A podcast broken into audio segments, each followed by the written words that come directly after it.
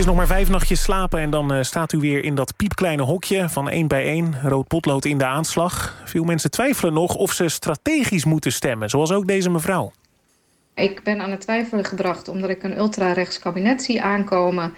En hoewel ik uh, eigenlijk heel graag ChristenUnie zou willen stemmen... overweeg ik nu ook uh, GroenLinks PvdA te gaan stemmen... omdat ik hoop daarmee het, uh, een eventueel kabinet iets meer naar het midden te kunnen trekken. Daar zit dus mijn twijfel. Om te voorkomen dat u in het stemhokje naast het stoeien met de gigantische stempas... ook nog moet stoeien met dit vraagstuk... helpen wij u vandaag hopelijk een stapje verder. Wat moet u gaan voor uw idealen of moet u strategisch stemmen? Die vraag bespreek ik met docent en onderzoeker politieke communicatie... Alberts, verbonden aan de Erasmus Universiteit. En met opiniepeiler Peter Kanne van INO Research. Goedenavond allebei, fijn dat jullie er zijn. Uh, meneer Alberts, als u die, uh, die mevrouw die we net horen... als u een, die een, een tip moet geven, wat is dat dan? Kies strategisch of kies idealistisch? Uh, nou, het is wel erg ingewikkeld, denk ik, om uh, van tevoren te weten wat je nou precies in gang zet als je strategisch stemt.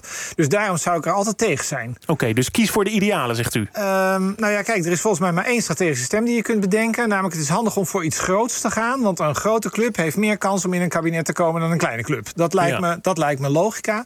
Dus in die zin kan ik die mevrouw wel volgen als je aan de linkerkant zit. Dat je dan denkt, nou, ik ga voor de grote linkse club en niet voor, uh, niet voor de ChristenUnie. Ja. Um, maar ja, als ik heel eerlijk ben. Kijk, uh, het is natuurlijk een beetje de vraag van... ja, wat wil meneer Omtzigt als je nou dat rechtse kabinet niet wil... en je wil niet dat de PVV daarin komt te zitten? Ja, ik heb eerlijk gezegd geen enkel idee... hoe je dat nou door middel van strategisch stemmen zou kunnen voorkomen. U denkt, u denkt niet dat dat kan? Of u, in ieder geval zegt u, je weet het niet? Nee, dat weten we niet. We zitten nee. al een paar dagen te speculeren met elkaar... over wat meneer Omtzigt precies wil. Nou ja, zolang, we dat, zolang meneer Omtzigt dat niet precies voor ons uitschrijft... Uh, lijkt het mij dat we daar onze stem niet van af moeten laten hangen. Dus kies vooral voor die idealen, zegt u. Meneer ja. Kan, uh, toch zijn er uh, zeker veel mensen ook die, die wel strategisch willen gaan stemmen. Wat zou een reden zijn om dat te doen? Nou, precies wat die mevrouw net zegt. En uh, kijk, ik denk eerlijk gezegd dat kiezers uh, ja, mogen dat helemaal zelf weten natuurlijk. Hè. Ja. Uh, strategisch stemmen is, is, is ook emotie. Want dat kan ook zijn dat je, dat, nou, zoals die mevrouw zegt... ik ben bang voor iets en dat wil ik voorkomen. Uh, en wat een reden daarvoor is, dat is, dat is heel, ja, heel duidelijk. Um, je hebt nu uh, vier grote partijen. En met name op links kan je nu met een strategische stem ervoor zorgen... dat er één partij de grootste wordt, namelijk GroenLinks-PVDA. Op rechts is dat veel moeilijker. Uh, want dan heb je eigenlijk drie partijen die mee gaan doen. Het zou best eens kunnen dat de PVV nog wat doorgroeit. Uh, wat eigenlijk dat rechtse veld een beetje verdeelt. Maar om die beweging naar links te maken, zegt u... dan kun je dus wel degelijk kiezen uh, uh, om, om strategische stemmen. Meneer Alberts, u kijkt er heel moeilijk bij als meneer Kan dat zegt. eerlijk gezegd een beetje gek. Want kijk, de, meneer Timmermans kan natuurlijk op zijn kop gaan staan. Maar als meneer Timmermans... Nou, laten we nou eens iets heel geks zeggen. Meneer Timmermans loopt ontzettend uit. En die krijgt straks 35 zetels. En die heeft 10 zetels meer dan die andere drie. Er is geen enkele combinatie te maken over links... waarmee een links kabinet krijgt. En als mevrouw Jes Hilgus en meneer Wilders en meneer Omtzigt... dan iets anders willen... Ja, dan komt zegt, het rechtse kabinet er alsnog. U zegt er komt sowieso Tuurlijk. een coalitie over rechts... dus dan heeft die nee, strategische dat stem... Dat zeg ik niet. Ik zeg dat het afhankelijk is van de intenties van die partijen. Dus die, die intenties die worden toch voor een deel ook weer gevormd... door wat er, uit, wat er aan mogelijkheden ligt na die verkiezingen. En voor een deel representeren die peilingen de uitslag niet. Want ik bedoel, mensen kunnen uiteindelijk op het allerlaatste moment iets anders doen. Mm -hmm. Dus ja, je kunt, nu wel gaan, je kunt nu wel gaan stemmen op basis van peilingen... van ja, ik wil deze kant of ik wil die kant op. Maar de kans dat je natuurlijk teleurgesteld achterblijft... en dat die partijen toch weer iets anders doen dan jij had ingeschat... Ja, die kans die is blijft er. nogal groot. Meneer Kanne, is er iets te zeggen eigenlijk over hoeveel mensen strategisch stemmen? Ja, maar ik zou toch nog heel even terug willen naar de vorige vraag. Heel kort je dan. hoort in de campagne hoor je Dylan Jesselgus steeds zeggen... Uh, als, hij, als hij de vraag krijgt... Uh, maar welke coalitie wilt u dan? Wilt u dan over, over links? Wilt u wel met GroenLinks PvdA? Wilt u met de PVV? En dan zegt zij steeds... nou, dat is nou echt aan de kiezer. Maar het mooie is, dat is helemaal niet aan de kiezer. De kiezer heeft helemaal niets te zeggen over die coalitie. Uh, en de strategische stem is de enige manier voor die kiezer... om dan nog een klein beetje een, een, een beweging, een, een, een boodschap aan mee te geven. Ja. En hoeveel mensen doen dat dan, strategisch stemmen? Heeft u daar zicht op?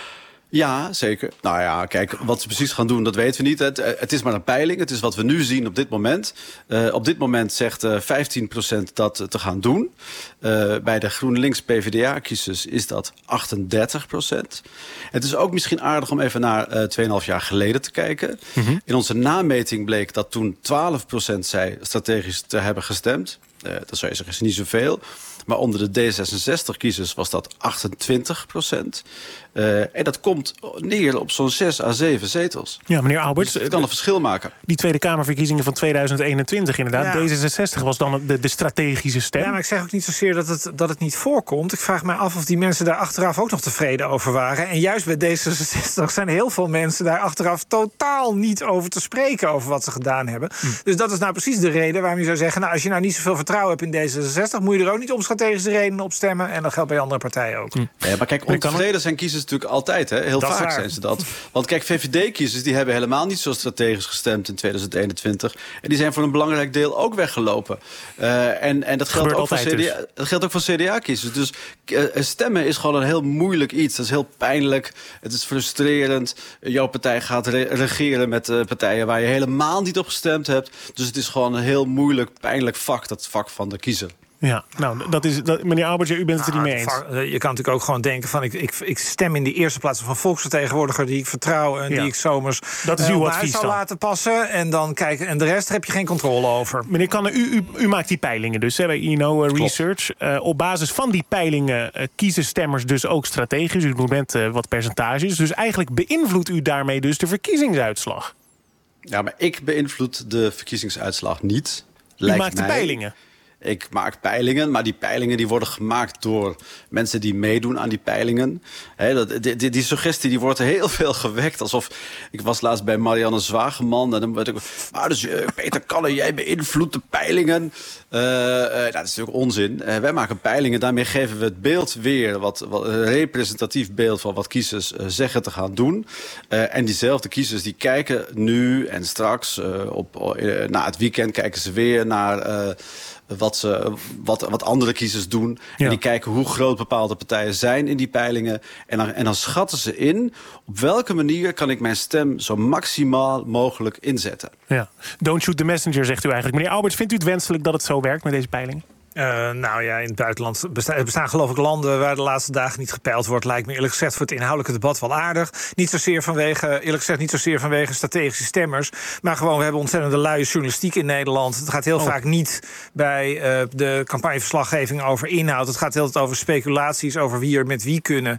Uh, wie de, welke premierskandidaat er allemaal in aanmerking komen, et cetera. Nou, dat lijkt me een hele mooie manier om terug te gaan naar de inhoud. Als we nou de laatste drie dagen van de campagne van die peilingen verschoond blijven. Lijkt me wel een goed idee. En nu zitten hier ook allemaal weer alleen maar over de peilingen te ja, Maar dat, ja, jullie vragen mij daar een kritische mening over. Dus die geef ik dan. Dan hoop ik van harte dat jullie daar de volgende keer wel naar luisteren. Maar ik heb er weinig hoop op. Maar als er nog geen peilingen zouden zijn, zou dan die premiersvraag niet gesteld worden? Nou, die zou in ieder geval minder. Dan is er in ieder geval minder aanleiding. Dan is er minder aanleiding om te zeggen dat meneer Ontzigt met een, met een premierskandidaat moet komen. Want dan weten we eigenlijk niet precies wie er op dit moment nou de grootste is, et cetera. Dus het, het haalt in ieder geval een deel van die discussie weg. Maar als we die peiling niet hadden gehad, dan was meneer Omtzigt had helemaal niet mee mogen doen aan alle debatten. Hè, want dan had hij namelijk één zetel gehad. Het is een hele slechte zaak dat op die manier over debatten wordt. Uh, wordt nee, maar dan was, dan was Pieter Omtzigt helemaal niet, niet in beeld gekomen. Want dan had hij maar één zetel gehad. Nou, dat, dat, dat weet ik niet. De vraag is wat redacties besluiten over wie er wel en niet aan tafel mogen zitten. En dat is, een, dat is uiteindelijk een subjectief proces. Volgens mij hebben juist de mensen in het item hierna daar ook nog wel een mening over. Dat ze heel vaak niet mogen komen. Komen we zo op. Um, dus ja, dat, dat, dat is hartstikke leuk om dat op peilingen te baseren. Maar meneer Kanne, u zegt dus als, als, er, speelveld. als er geen peilingen waren geweest, dan, dan had meneer Omtzigt geen zetels gehad? Dan als, nee, dan, dan, dan had je het niet geweten, toch? Eh, Pieter Omtzigt heeft één zetel in de Kamer. Ja. Edson Olf ook. volgens mij zien we van Edson Olf een stuk minder dan van Pieter Omtzigt. Willen we dat liever niet of willen we dat liever wel? Nou, volgens mij is de, stelling, wel, de stelling is niet om helemaal geen peilingen te doen. De stelling is om de laatste dagen... Wat is dat? Zitten we daar nu dan? Want woensdag dan is het zover. Nou, het is nu vrijdag. als je nou de laatste, ik zou de laatste drie dagen zou ik fijn vinden. Ik zou de laatste twee weken ook fijn vinden. Ja, wanneer kan, wanneer komt de laatste? prima. Wanneer komt de laatste peiling eigenlijk? Uh, we gaan er maandag eentje, ga ik er nog eentje presenteren bij Galit en Sophie.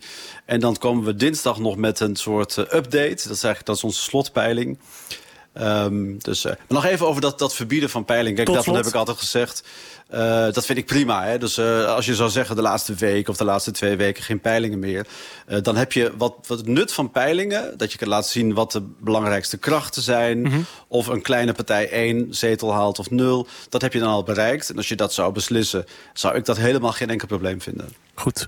Ik dank jullie voor dit gesprek. Docent en onderzoeker politieke communicatie Chris Alberts... en opiniepeiler Peter Kanne van INO Research.